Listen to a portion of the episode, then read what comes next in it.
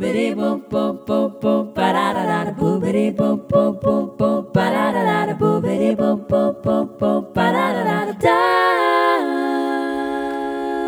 lytter til Filibuster, en podkast om forsknings- og innovasjonspolitikk i et samfunn i endring. Vertskap er Petra Andersen og Per Kokk. Da har jeg gleden av å ønske Mari Sundli Tveit velkommen til Filibuster, forskningspolitikks podkast. Gratulerer med ny jobb som administrerende direktør i Norges forskningsråd, Mari. Eh, dette må være en spennende og givende utfordring? Absolutt. Tusen takk for veldig hyggelig gratulasjon, og tusen takk for at jeg får komme og være med i, i podkast. Det setter jeg stor eh, pris på. Og det er klart Dette er både spennende og, og, veldig utfordrende. og Det er jo et privilegium å få lov til å ta fatt på denne oppgaven. Det må jeg bare si. I en tid hvor vi vil kan være enige om at forskning og innovasjon har aldri vært så, eh, så viktig som det er nå, så er det klart at jeg går til denne oppgaven med både ydmykhet og, og ambisjoner. Mm. Mm. Der sa du det. Dette at jeg tror folk flest også er enig i at forskning og innovasjon spiller en svært viktig rolle i samfunnsutviklingen. Mm. Eh, og Det betyr også at folk vil lytte til det du og Forskningsrådet har å si på dette området. Dere er en rådgiver til mm. både regjering og samfunn. Hvordan eh, mener du Forskningsrådet kan utvide sitt ansvar som forsknings- og innovasjonspolitisk rådgiver? Både overfor for regjeringa og Stortinget, men også overfor samfunnet mer generelt. Bidra til debatten, med andre ord. Mm. Ja, dette er jo veldig viktig, og det er jo veldig store forventninger eh, oppfatter jeg, til, eh, til, Forskningsrådet som eh, rådgiver, og at vi skal eh, styrke det fremover. Eh, og det er ikke minst veldig tydelig eh, hos Forskningsrådet selv i, i vår vår strategi som ble, som ble, vedtatt i 2020, så kom jo dette veldig tydelig frem. Sånn at det at vi skal gi eh, godt funderte og klare forsknings- og innovasjonspolitiske råd og være veldig tydelige både eh, inn mot departementene, men også selvfølgelig i, i den store, altså i, i samfunnet og i, samfunnsdebatten, det er, jo, det er jo helt opplagt. Så det blir viktig for meg å å, å bidra til å, til å, videreutvikle og styrke det. Eh, helt klart. Og vi står jo i mange, mange veldig viktige prosesser i så måte akkurat nå. Eh, og, og innspillet til, til, eh, den reviderte langtidsplanen er jo, eller til ny langtidsplan faktisk er jo den viktigste Kanskje ja, i hvert fall en av de viktigste delene av det. da i år. Mm. Det å gi, gi et, eh, et, tydelig og ikke minst kunnskapsbasert eh, råd eh, inn der. Og Det er jo noe vi jobber veldig tett opp mot vårt eget styre også, ikke minst. Men også har planlegger bred dialog ut for, i forberedelsen av vårt, vårt innspill. Og ikke minst så er vi jo opptatt av å ha Eh, best mulig kunnskapsgrunnlag. Og I det så har vi jo også satt i gang eh, foresight-analyser eh, for å se på trender og scenarioer. Vi har satt, altså, satt, ut eksterne oppdrag. Ja. Bred dialog med interessenter som har vært inne på. Altså, her gjelder det jo å, som alltid, å være kunnskapsbasert og tydelig og ambisiøs i rådene. Mm. Da har du for så vidt vært inne på dette med hvordan Forskningsrådet selv må bygge opp kompetanse for forsknings- og innovasjonspolitisk tenkning og utvikling. Mm. Og jeg skjønner at uh, innomhuskompetansen er også viktig for samspillet med departementer og samfunn. Og i sam samarbeid med relevante forskningsmiljøer. Jeg vet ikke at Røttingen valgte å spre denne kompetansen på ulike deler av uh, Forskningsrådet. Tror du det var et godt valg? Og hva vil du gjøre for å videreutvikle Forskningsrådets egen forsknings- og innovasjonspolitiske kompetanse? Mm. Altså, jeg tror det er, det er, for tidlig å konkludere med, med, med hvordan vi skal organi altså det organisatoriske og hvordan vi skal ta, ta, dette videre. etter I dag er det nøyaktig tre uker um, i jobben. Uh, så, så, der skal jeg svare det. Men det er jo klart at uh, det å også tenke på det organisatoriske i den helheten som er å styrke dette, det, det tror jeg enhver leder til enhver tid vil gjøre. Så det er, det er viktig å, å, se på. Og, og, det som har vært utrolig viktig for meg nå i disse første uh, ukene, og som jo ikke blir noe særlig enklere av at vi alle sammen sitter eh, på hjemmekontor, det er jo å bli ordentlig godt kjent med organisasjonen. Mm. Ikke sant? Å forstå nettopp altså, Å rett og slett kjenne personene som utgjør dette kunnskapsgrunnlaget. Eh, så nå, jeg, nå, er jeg rundt i, i, i, alle avdelinger og rett og slett får snakke med alle enkeltmedarbeiderne og får høre om hva de eh, holder på med, og hva slags bakgrunn de har, og deres tanker. Eh, og det er jo en veldig viktig del av både det å, å bli kjent med organisasjonen, men det også å danne seg det bildet av hvordan Eh, står vi i dag med tanke på å være rigget for å møte og, og, og fylle de målene som, som er i uh, for, både forventningene fra samfunnet, men ikke minst er gjenspeilt i vår egen, egen strategi. Uh, det som er helt opplagt, det er jo at vi er en, altså det er veldig veldig høy kompetanse i, i Forskningsrådet. Eh, så det har jo vært en, eh, en glede ikke sant? Å, å, bli, å, bli, kjent med alle og én og én. Høre om, om, deres eh, kompetanse og liksom forstå bedre det, det, grunnlaget som ligger i det.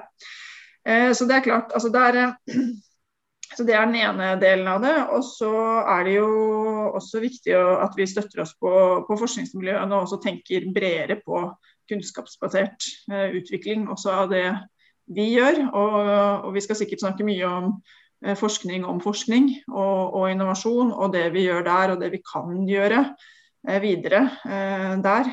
Men vi har jo, sant, som, er, som, er, godt kjent, allerede satt opp f.eks. For Forimpol og programmet, som, som også er en, er en del av dette.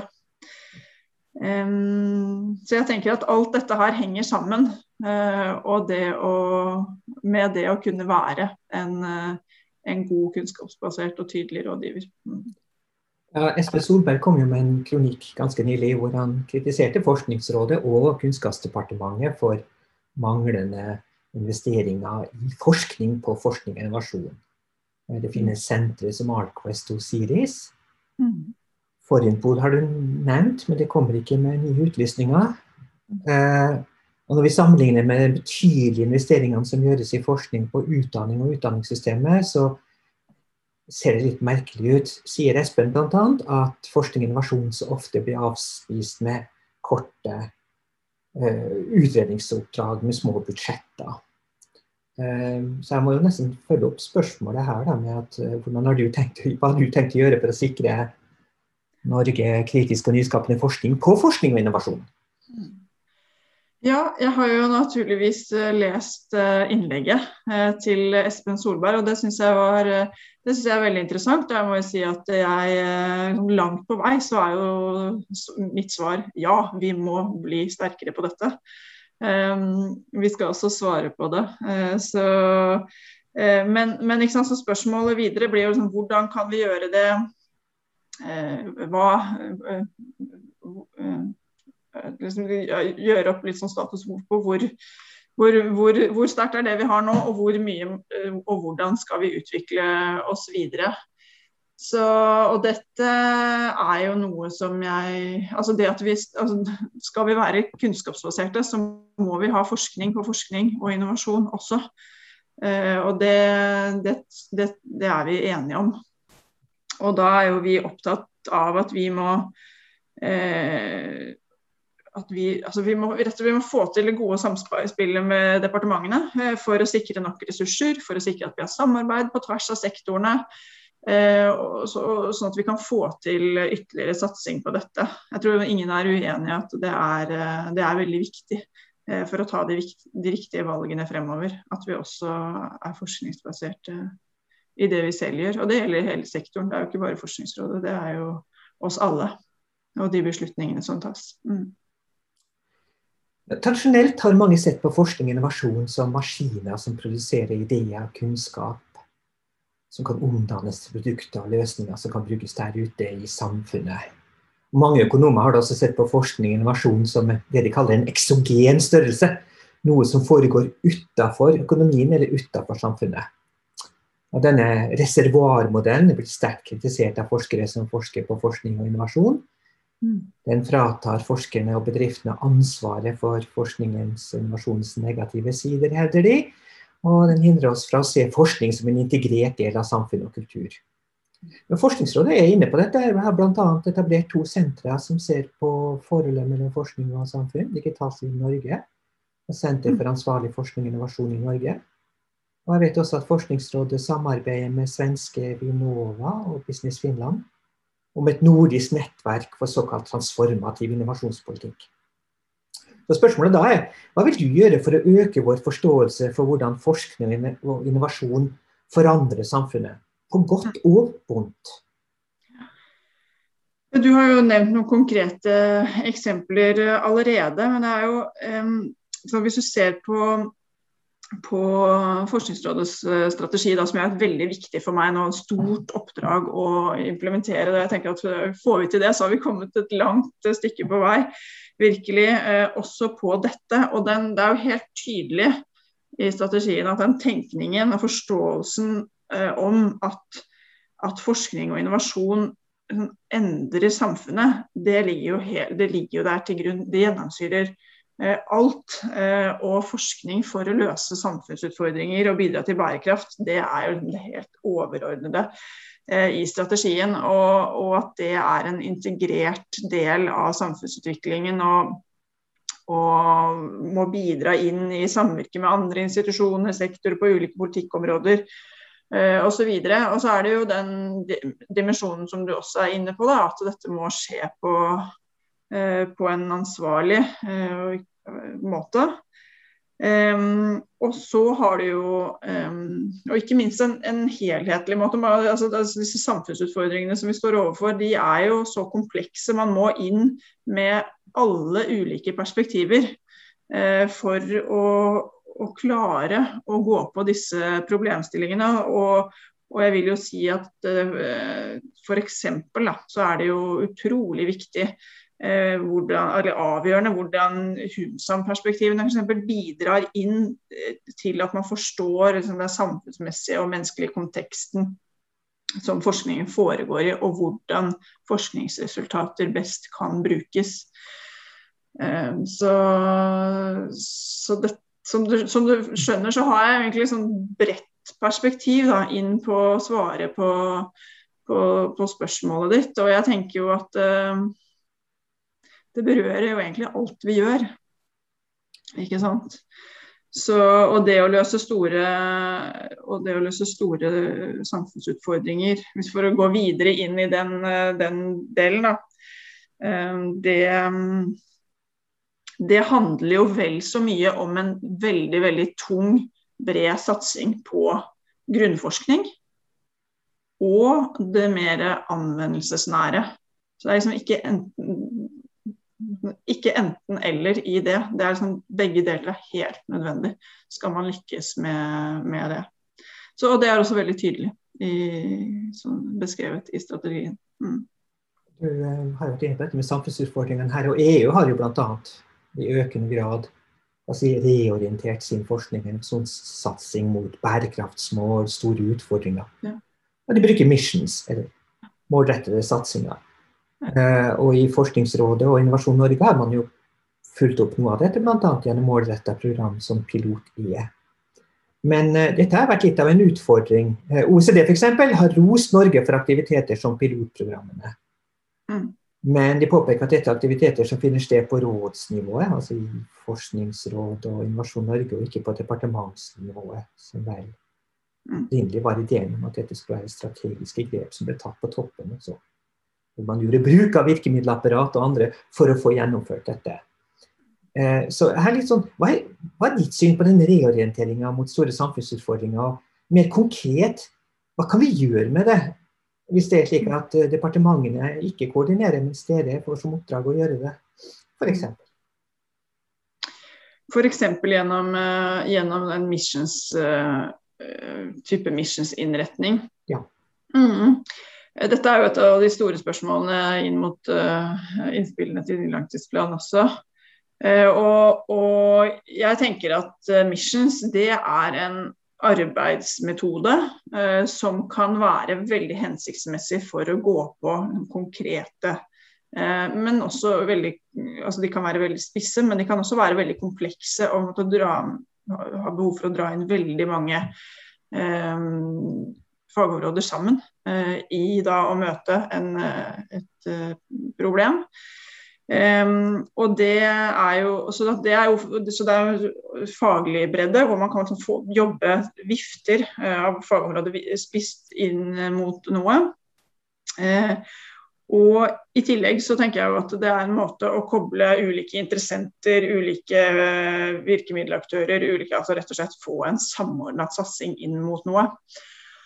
Og det, Du nevner jo noen litt sånn missionsaktige innretninger som vi har hatt. F.eks. Eh, Pilot E, som jo har blitt evaluert og som får gode skussmål. og som, Hvor det ser ut som at dette her er en vellykket eh, måte å jobbe på. Så det er jo eh, mye, eh, mye godt å ta med seg eh, fra det. Og så har vi jo ikke prøvd ut sånn sett noen veldig sånn omfattende missions i Norge. Men, men, jeg tenker jo at det er en, en spennende eh, tanke. Eh, og vi har mange veldig overhengende store utfordringer som er over oss, og som krever samordna og målrettet innsats. Og så er det viktig å si at det kommer jo da Det kan jo ikke komme istedenfor det andre, fordi det bygger på hverandre. Så det er jo en gjensidig avhengighet, eller i hvert fall en avhengighet her. Eh, sånn at eh, så det, så det, er jo viktig å si. Vi kan ikke liksom reorientere oss slik at nå, fra nå skal vi liksom bare ha mission. Så det tror jeg ikke det er noen som tenker heller.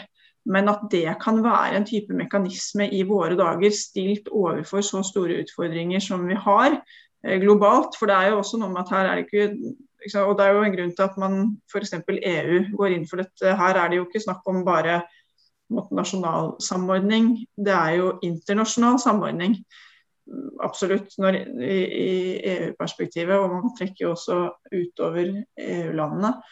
Men det er klart, altså det å tenke seg en sånn innretning også i en nasjonal kontekst, hvor vi kan ha eh, f.eks. store omstillingsbehov som er mer spesifikt, eller som er, som er eh, ekstra påtrengende her. Da. Eh, det kan jo absolutt være veldig aktuelt. Så jeg syns det er en jeg syns absolutt det er interessant å tenke det også i en, eh, en nasjonal kontekst, og koblet opp mot det internasjonale. Mm. Det har vært nevnt at uh, Når det gjelder departementsnivået, så er det vanskelig for dem å stoppe beina med samarbeidet på tvers. Tror du Forskningsrådet og du kan gjøre noe med å få dem til å gjøre det? Altså for å utvikle bl.a. store satsinger på samfunnsutfordringer? Mm. Ja, jeg tror jeg nesten vil snu på det og si at det er liksom helt avgjørende at vi klarer eh, å stokke bena og få til koordinert eh, innsats. Og naturligvis må jeg også bidra til det. Eh, det tenker jeg blir en viktig, viktig del av eh, min eh, rolle eh, og Forskningsrådets rolle. og en viktig del av det å være en rådgiver. Du nevnte den menneskelige, så, så. Ja. Du, du nevnte den menneskelige sida av forskning og innovasjon i samfunnet, altså den rolle den menneskelige sida spiller. Og vi har sett, spesielt det siste året kanskje, med den dramatiske politiske utviklinga i USA, mm. har vi der to viktige utviklingstrekk. Vi ser politikere som bare godtar forskningsresultater som bekrefter deres egne narrativer. Som avviser kritisk forskning som elitens manipulering av folk flest. Og vi har en tilsvarende dyp skepsis til forskning og forskningsresultater i deler av befolkninga. Mm. ser jo at Biden prøver jo nå å gjenopprette tilliten til forskning i USA. Nå er ikke situasjonen like dramatisk i Norge, men også vi har eh, vaksineskepsis. Mm. Og en form for fremmedgjøring mellom vitenskapen og deler av befolkninga. Mm. Tror du at den sosiale kontrakten mellom forskning og samfunn er i ferd med å falle fra hverandre? Og i så fall, eh, hva kan vi gjøre med det? Mm. Nei, altså, ja, altså det har jo vært eh, Det har absolutt, som du beskriver, ikke sant, vært veldig, um, veldig bekymringsfulle og skremmende utviklingstrekk de, um, de siste årene. Så er du jo også inne på at når det gjelder USA, så ser vi nå at Biden jobber annerledes med dette. Det er veldig bra. Jeg tror at, og dette gjelder ikke bare USA, som du også sier, dette gjelder i aller høyeste grad også i Europa og her. Og dette er jo et spørsmål aldri kan hvile. Eh, fordi at eh, altså Hvis du spør er, er, det, er det truet, er de i ferd med å falle fra hverandre, så tror jeg jo ikke at det er eh, Jeg tror jo at det er absolutt under press, og man kan kanskje kalle det truet. Og kanskje er det klokt å tenke at det er truet, nettopp fordi at man må eh, alltid ha den årvåkenheten og være uh, på og jobbe med dette. her. Jeg tror jo ikke at den, den faller ikke fra hverandre uh, der vi er nå. Men, men, men, her er det jo ja, nei, det, er, det, er, det er veldig skummelt. Eh, når det, når det går i, i, i, den retningen. Så kan vi jo se at eh, altså Hvis vi ser på de tallene som vi Dette er jo noe som vi følger med på i, i Forskningsrådet. Eh, og det er jo ting som kan tyde på at pandemien, da, som jo ikke, på, ikke er positiv så, på så veldig mange måter, men man, man ser jo at, at det har Eh, kan ha gitt forskningen et, eh, et, ganske kraftig løft i opinionen. Eh, at folk følger i veldig mye større grad med på forskningen. Man følger med på, på statistikk, på tall. Man er liksom mye tettere på. Og, og hvis vi ser på våre egne undersøkelser, så er det, så er det 66% som nå sier seg enig i at de som det heter, nyter personlig godt av det som skjer innenfor forskning og utvikling. Og det er opp fra 47% som var målt i uka før Norge stengte ned 12.3 eh, i, i fjor. Så, og Hvis vi ser på tilliten til forskning, så ser vi også at den er, eh, den er høyere enn noen gang, på 89 eh, og hvor de fleste oppgir at de er godt fornøyd med forskernes innsats under pandemien. Og, men, men her er det jo forskjeller i befolkningen. Det er forskjeller knyttet til utdanningsnivå, og det må vi ta alvorlig. Og det er jo også en, noe man ser i andre land, og hvor dette her trekkes opp som en sånn folk flest-elite-diskusjon. Eh, eh, så, så vi, vi, har faktisk sett noen, noen positive trekk i, i, gjennom det siste året. Men noe, altså, som, jeg, som, jeg, sa, her kan vi liksom aldri hvile og si at ja, nå er vi på et godt nivå. Nå er det trygt. Her må vi alltid passe på. Um, og, og, sånn at det er liksom selv om, selv om, ser, altså, selv om målingene viser at den, den sosiale kontrakten, da, uh, som, du, som, du, kaller det, det er eh, mell, altså, at den sosiale kontrakten mellom forskning og samfunn at den står sterkt i Norge, det er det grunn til å si, i hvert fall basert på disse eh, tallene. Men det betyr ikke at vi skal slå oss til ro. Eh, og vi har jo absolutt strømninger i Norge også som er i retning av forskningsskepsis, og i Europa også. Jeg er jo vært veldig lenge engasjert i styret bl.a. i European University Association, hvor dette jo har vært en veldig, veldig bekymring som vi har eh, som vi har vært opptatt av gjennom, eh, flere, gjennom mange år, egentlig. Eh, og det er også sånn at man kan se at enkelte aktører kan misbruke forskning, misbruke forskningsresultater for å fremme egne synspunkter. Eh, nå er det jo veldig stor tilgang på egne kanaler. Folk kan si ting med betydelig gjennomslag uten å bli motsagt. Det redaktørstyrte har liksom fått veldig mye konkurranse fra ikke redaktørstyrte. Og det er jo mange det er jo mange som ikke er så godt rustet for å forstå uh, de forskjellene. Uh, for å skille mellom rapporter og kilder som er forskningsbasert, og de som ikke er det. Uh, det, er jo, det er jo krevende. Det er jo noe vi, vi øver oss lenge på gjennom utdanning og, og, og inn i forskningsverdenen. Det å det å ha den der årvåkenheten. Så det, det, å lære seg det gjennom utdanningsløpet, og at man må lære seg det enda mye tidligere enn det man kanskje måtte før. Det å gjøre de vurderingene, det å, det å vurdere informasjon.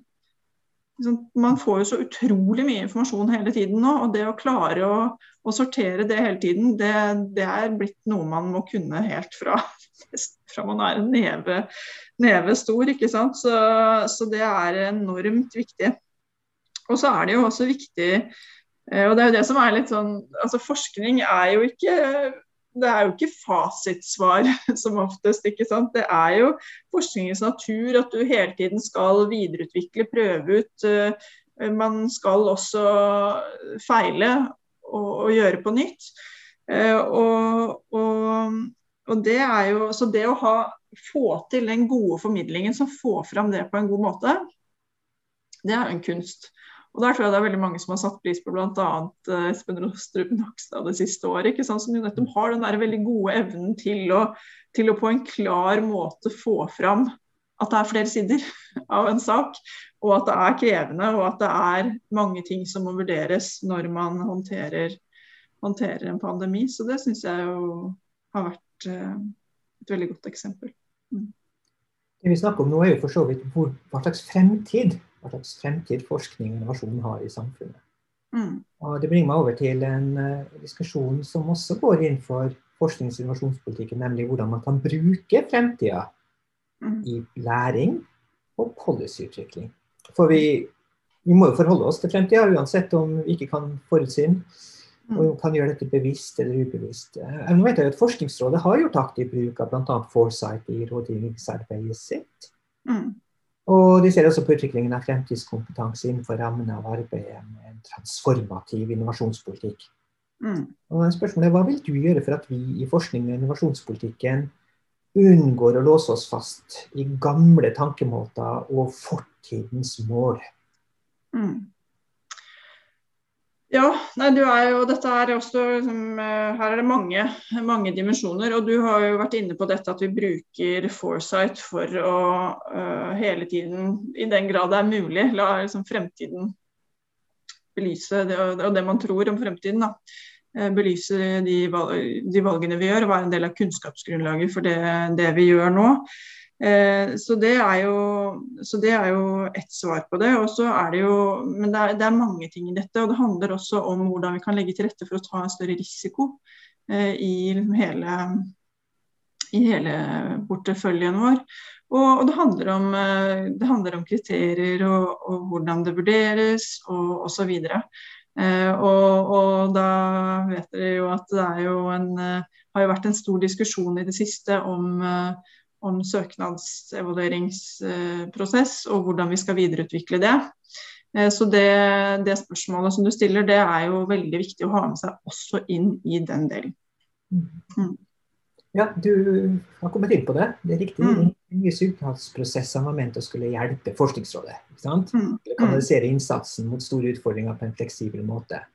Mm. Slik at man f.eks. kunne flytte søknader fra en målretta satsing til en annen. Da er vi tilbake til målretting mot store samfunnsutfordringer osv. Altså samfunnsrelevansen av forskninga. Nå er det mange som hevder at dette har ført til mer eh, generiske søknader som passer til flere deler av Forskningsrådets finansiering, og at det derfor ikke har ført til mer samfunnsorienterte prosjekter. Og Andre har også hevda at behandlingen av søknadene i rene ekspertpaneler lett fører til lock-in. Dvs. Si, ekspertene er mer opptatt av vitenskapelig kvalitet, snevert forstått som akademiske kriterier gitt i egne fagmiljøer. Tellekanter, publisering som gode eksempler på det. Og at de tar lite hensyn til behov for relevans, forskernes evne til samfunnskontakt og ønske om mer tverrfaglig forskning, som du har vært inne på. Mm. Så da er spørsmålet her, hva, hva vil du gjøre med både hva kan vi gjøre for å få til et bedre, bredere syn på kvalitet? Det er ene spørsmålet. Og hva kan vi gjøre med søknadsprosessen i Forskningsrådet for å få det til? Mm.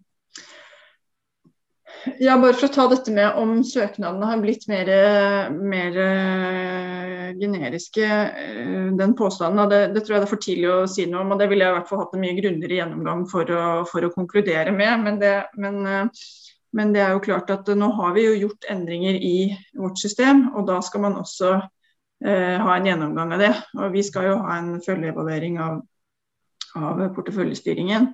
Og, og, vi holder også på nå med en gjennomgang av, eh, av vår, eh, vår søknadsevalueringsprosesser. Sånn at eh, dette her er jo absolutt problemstillinger som vi har med oss der. Og så tror jeg jo at eh, spørsmålet liksom, hvordan eh, hvordan, hvordan, evaluerer vi, hvordan sikrer vi at vi har altså kvalitet? Det er et veldig veldig stort spørsmål. Mm. Og det er jo det vi eh, tilstreber absolutt hele tiden. Og også da, som jeg allerede har vært inne på flere ganger, at det må være kunnskapsbasert. At vi liksom hele tiden er på eh, tilstreber beste, beste praksis i, i, veien dit. Og så er det selvfølgelig sånn at i våre prosesser så er jo det liksom Man tilstreber beste praksis, og så tilstreber man det hele tiden på riktig punkt på på administrasjonskostnadene. ikke sant? Og Det er jo der det hele tiden eh, står og, og, vipper. For vi vil jo naturligvis hele tiden også sikre at det går mest mulig penger til forskning. Mm. Er du enig i at men, publisering og sitering er et for snevert mål på kvalitet? Um, om det er et for snevert mål på kvalitet? Ja. Um, uh, ja, altså dette er jo dette er diskusjoner som vi har, som vi har hele tiden uh, hos oss, og som ikke minst har vært i våre diskusjoner i det siste da, knyttet til evaluerings, evalueringsprosessene. Uh, slik at jeg tror jo at vi fremover så skal man eh, så skal, Vi skal hele tiden ha med oss eh, det spørsmålet. Eh, og vi skal finne de beste måtene hele tiden på å vurdere hva kvalitet og relevans er, og hvordan det forholder seg til hverandre. Og Det er jo et spørsmål igjen, som liksom, hvem skal evaluere det? Og Da er vi liksom inne på alle disse Vi har fått så utrolig mange gode innspill på dette, disse spørsmålene i det siste. Og jeg er opptatt nå av at vi liksom må la den prosessen gå. Eh, som er rigga i Forskningsrådet eh, med masse innspill fram mot det at vi skal ta de riktige grepene mot neste runde. Så jeg, vi må la den prosessen gå. så jeg, Da blir det feil av meg å konkludere her og nå. Men du hører at disse spørsmålene har vi med oss. Mm. Noen har bedt om en internasjonal evaluering av Forskningsrådets søknadsbehandling. Kommer det? Vi, hvordan vi skal gjøre det, det har vi heller ikke uh, bestemt. Men vi har, jo, vi har, jo, hørt at uh, forslaget har kommet, og vi har jo, få, vi har jo allerede planlagt evalueringer knyttet til de endringene som er gjort osv. Så, eh, så har vi jo også eh, satt opp et veldig eh, tungt og godt International Advisory Board, som hele tiden gir oss veldig veldig trykk og veldig kloke eh, og kunnskapsbaserte, og også det internasjonale blikket inn på det vi gjør. Eh, så, så, det er noe vi har der eh, hele tiden. Men nei, jeg, forslaget har kommet. Mm. Okay. okay. Nå er vi nesten i mål. Eh, Røttingen han var sterkt opptatt av behovet for åpen vitenskap og åpen innovasjon. Mm. Er det noe du også brenner for? Ja, dette er jo noe som, eh, som jeg også har, vært, eh, har, jobbet mye med. Både i mine tidligere lederroller eh, selvfølgelig i Norge, men ikke minst i dette europeiske perspektivet da, gjennom European University Association. Og så er det jo Det mener jeg jo at det er noe som virkelig har blitt tydeliggjort også i løpet av det siste året. Med pandemien, hvilken betydning det å Eh, ha åpen tilgang til forskningsresultater og det å de, kunne dele eh, ja, data og i det hele tatt hvordan, det, hvordan de effektive og åpne systemene for å både dele og formidle forskning er eh, en veldig viktig forutsetning for å virkelig kunne effektivt akselerere på, på spørsmål. Og for, ja, og for, å drive forskning. Eh, så, så, absolutt, det er, jeg, eh, det er jeg opptatt av. Og så er det jo så, så det at åpen tilgang til offentlig finansiert forskning bør være regelen og ikke unntaket, det, det mener jeg jo eh, absolutt. Og så er det veldig mange ting som skal hensyntas når vi gjør det. Det er jeg også opptatt av. Så, og det er jo en stor diskusjon. Så, mm. Til sist, jeg gjetter på at en del av dine nye medarbeidere som lurer på dette, blir det en ny omorganisering av Forskningsrådet, noe som du har tatt over? Ja. Um, nei, altså når man kommer inn i en organisasjon som har vært igjennom uh, store endringer, så tror jeg at enhver ny leder vil være veldig opptatt av å forstå uh, hvordan dette nå ligger an. Og er, nå, eh, er, det nå landet? Er det noe som må videreutvikles noe? Og hvordan? Og det store spørsmålet er jo hele tiden sånn, Ligger det nå best mulig til rette? Både for å nå de store målene som er satt, som selvfølgelig er Det krever jo en, en, en effektiv og god organisering i seg selv. Eh, men også som en del av det, og, en forutsetning for å få til det, er jo at du får til den gode medvirkningen i organisasjonen. At, går, at, det er god flyt, gode prosesser.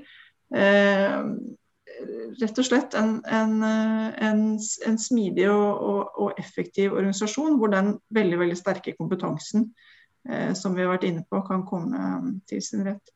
Så, så svaret på spørsmålet er jo at dette vil jeg være veldig opptatt av. Og, og hele tiden forstå og sikre at vi, at vi har en har en god organisering. Og så tror jeg det vil være veldig klokt av meg å si sant, etter tre uker så har Jeg observerer, og jeg har ikke, eh, ikke konkludert. Men det er jo selvfølgelig viktig. Jeg tror alle ledere vil være veldig opptatt av å også liksom, ha med seg det også utenfra blikket inn i det. Så må jeg jo bare si da, at jeg er jo veldig imponert over hva man har fått til i Forskningsrådet. I, altså, over lang tid, men også se hva man har fått til det siste året, ikke minst. Hvor man liksom har kjørt eh, full rulle på det som er kalt ordinær virksomhet i en jo også ny organisering. Eh, og i tillegg har vært en sentral del av det å, å håndtere en pandemi i Norge. Eh, og, og, det å være der for forskningsmiljøene i det, i alle sektorene, og ikke minst inn mot næringslivet. Eh, og bedriftene. Det, ja, det, det, det er jeg imponert over. Og gleder meg til å jobbe videre med laget mitt på det. det mm. Mange takk for at du tok deg tid til å snakke med forskningspolitikk, Mari. Og lykke til videre i jobben som Forskningsrådets leder. Tusen takk. Eh, det gleder jeg meg til. Og jeg var veldig glad for å bli invitert til å komme hit, så tusen takk for det. Og Takk for hyggelig samtale. Dette har vært en episode av Filibuster, en podkast som utgis av fagbladet Forskningspolitikk og forskningsinstituttet NIFU. Vertskap er Petra Andersen og Per Kokk. Du finner mer om bladet og podkasten på fpol.no. Der kan du også abonnere på papirutgaven av Forskningspolitikk. Abonnementet er gratis. Kjenningsmelodien er fremført og komponert av Lene Andersen Vinje. Forskningspolitikk utgis med støtte av Norges forskningsråd. Boobity